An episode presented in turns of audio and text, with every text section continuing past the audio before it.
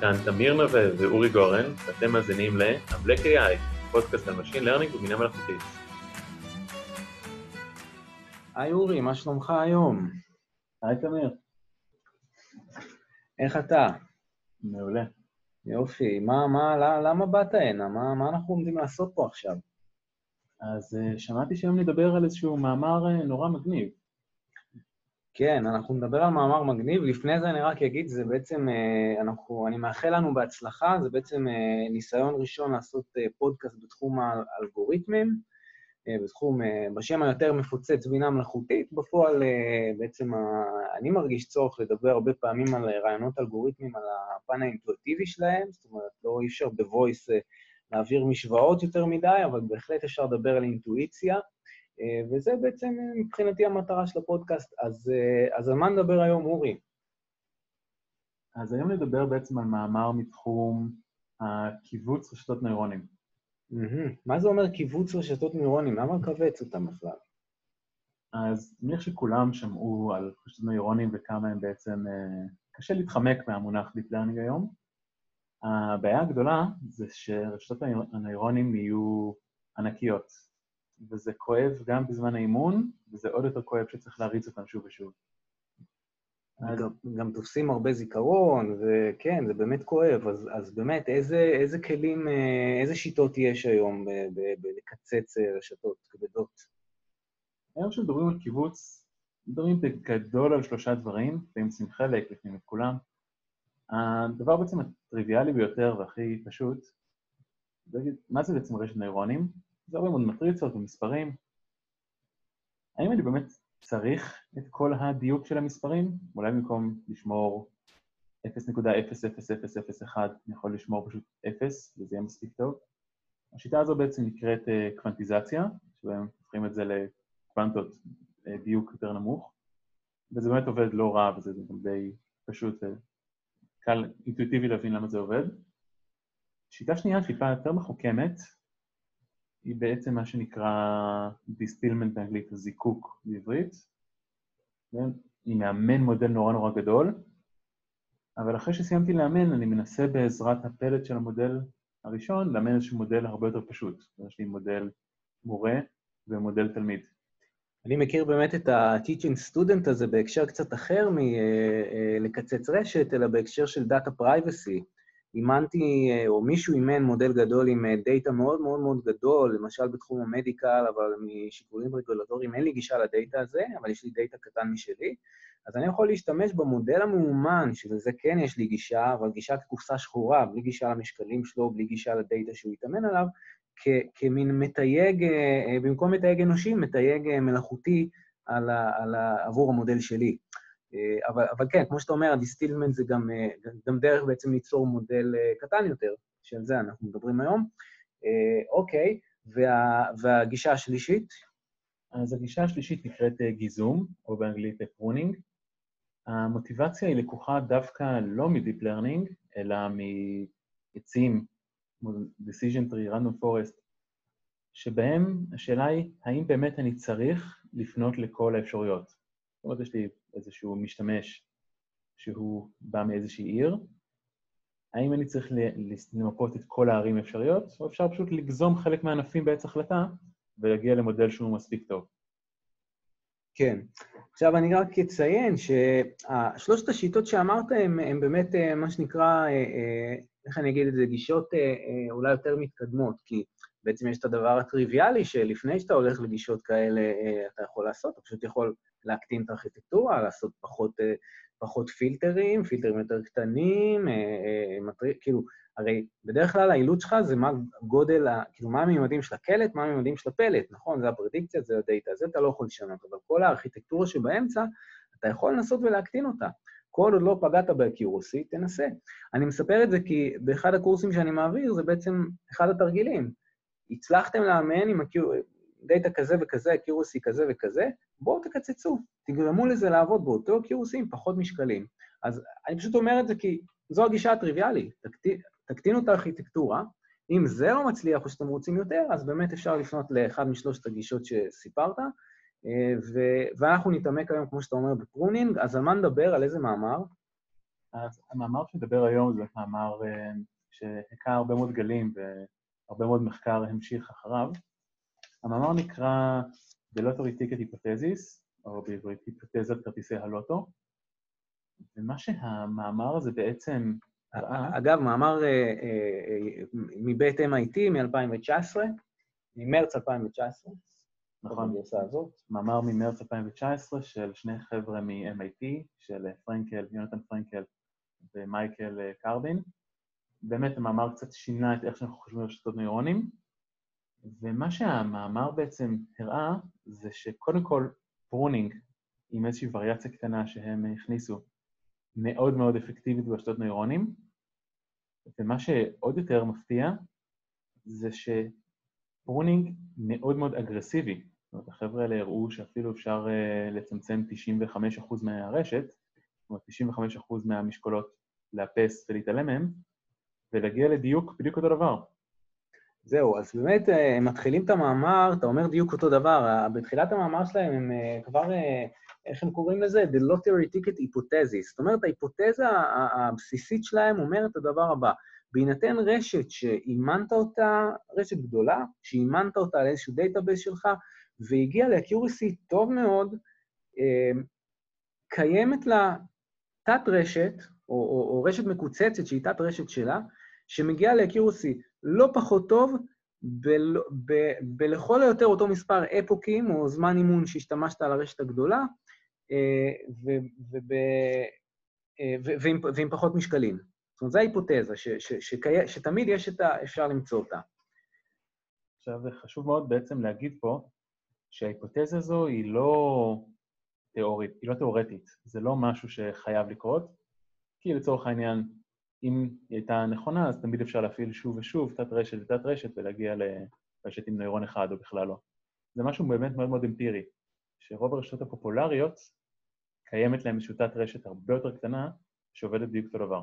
נכון, ו- ולא רק, ש- ולא רק שזה, זה, זאת אומרת, זה אמפירית עובד, אלא מה שהיופי במאמר, שהם מראים גם דרך איך למצוא את התת רשת הזאתי, שהיא כאמור קטנה יותר עם דיוקים אה, אה, לא פחות טובים, ול, ו, ו, ואני אוהב את הטרמינולוגיה שלהם, ולתת רשת הזאת הם קוראים אה, כרטיס הלוטו. או יותר נכון, לה, עוד מעט נסביר יותר לאיך מתחילים את הרשת הזאת, זה נקרא כרטיס הלוטו.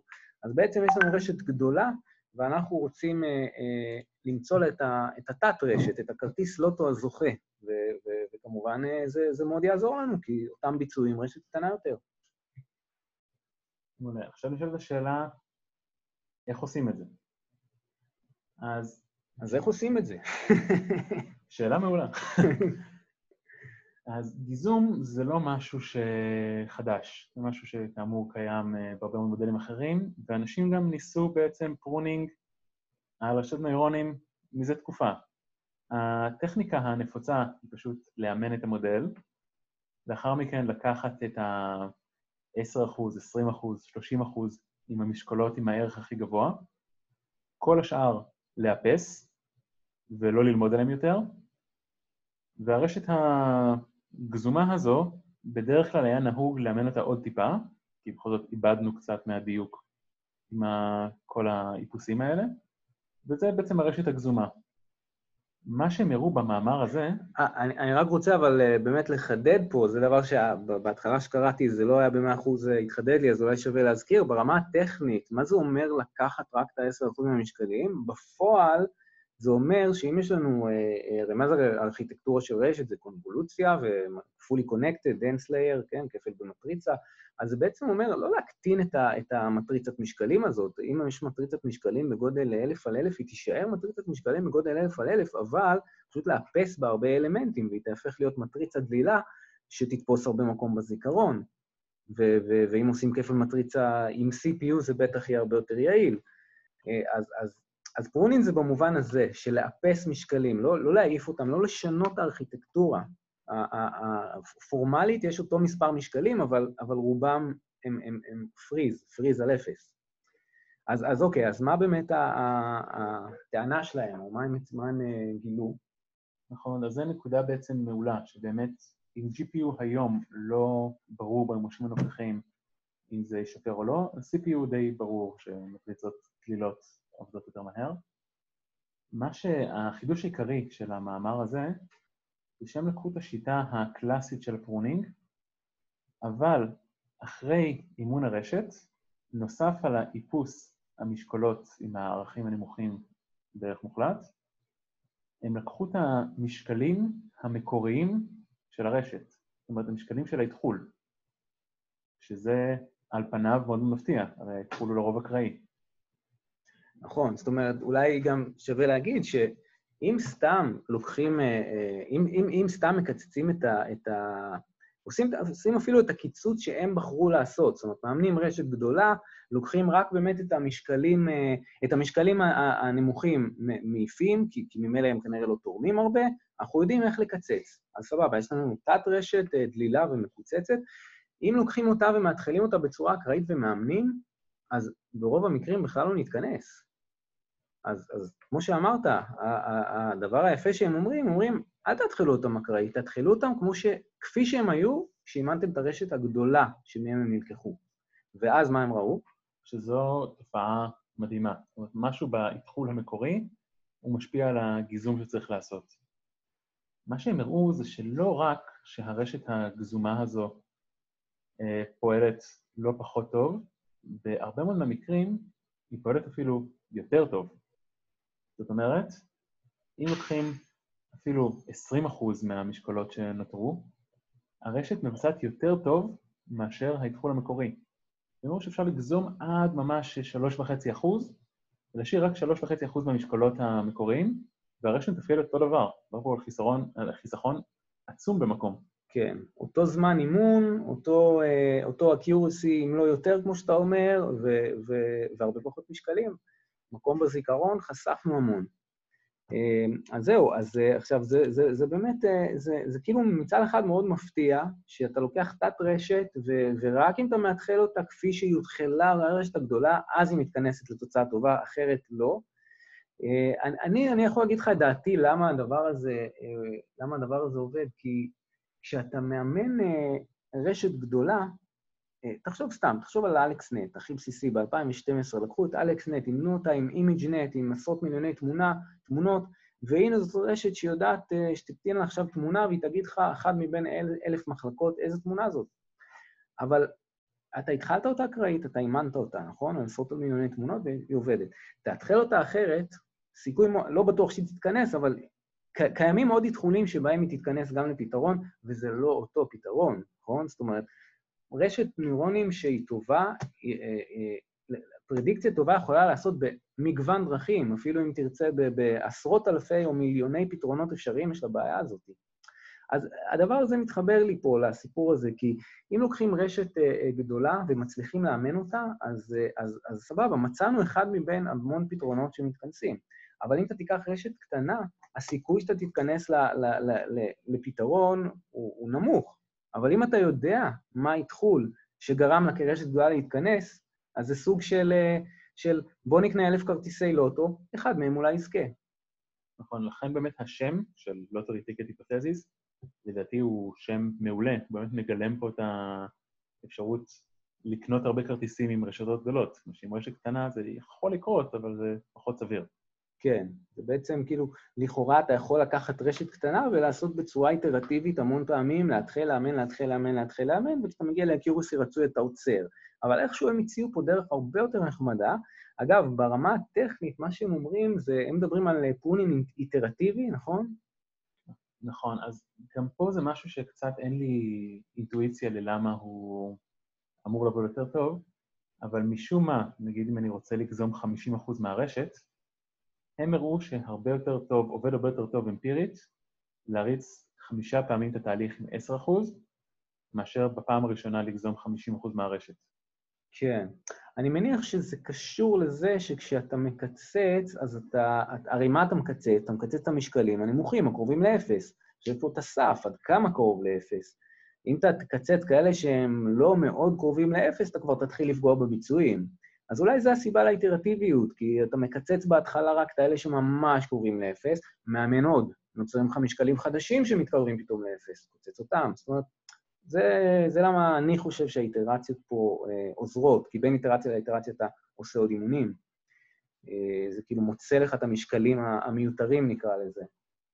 גם עוד אה, רעיון זה שיכול שבגלל שהאימון עצמו הוא סטוכסטי גם, סטוכסטי גרדיאן דיסנט בווריאציות, חזרה על חמישה תהליכים של אימון, התהליך האיטרטיבי מוריד טיפה מהרעש ועושה טיפה, טיפה טוב. כן. אז אה, אוקיי, סבבה, אז אה, עוד מעט נגמר לנו הזמן, כיסינו בגדול את המאמר, את ה, את ה, ככה קצת את, הדעות אה, שלנו על המאמר. אתה רוצה קצת לספר על, ה, על התוצאות שהם הגיעו, וקצת אפשר גם...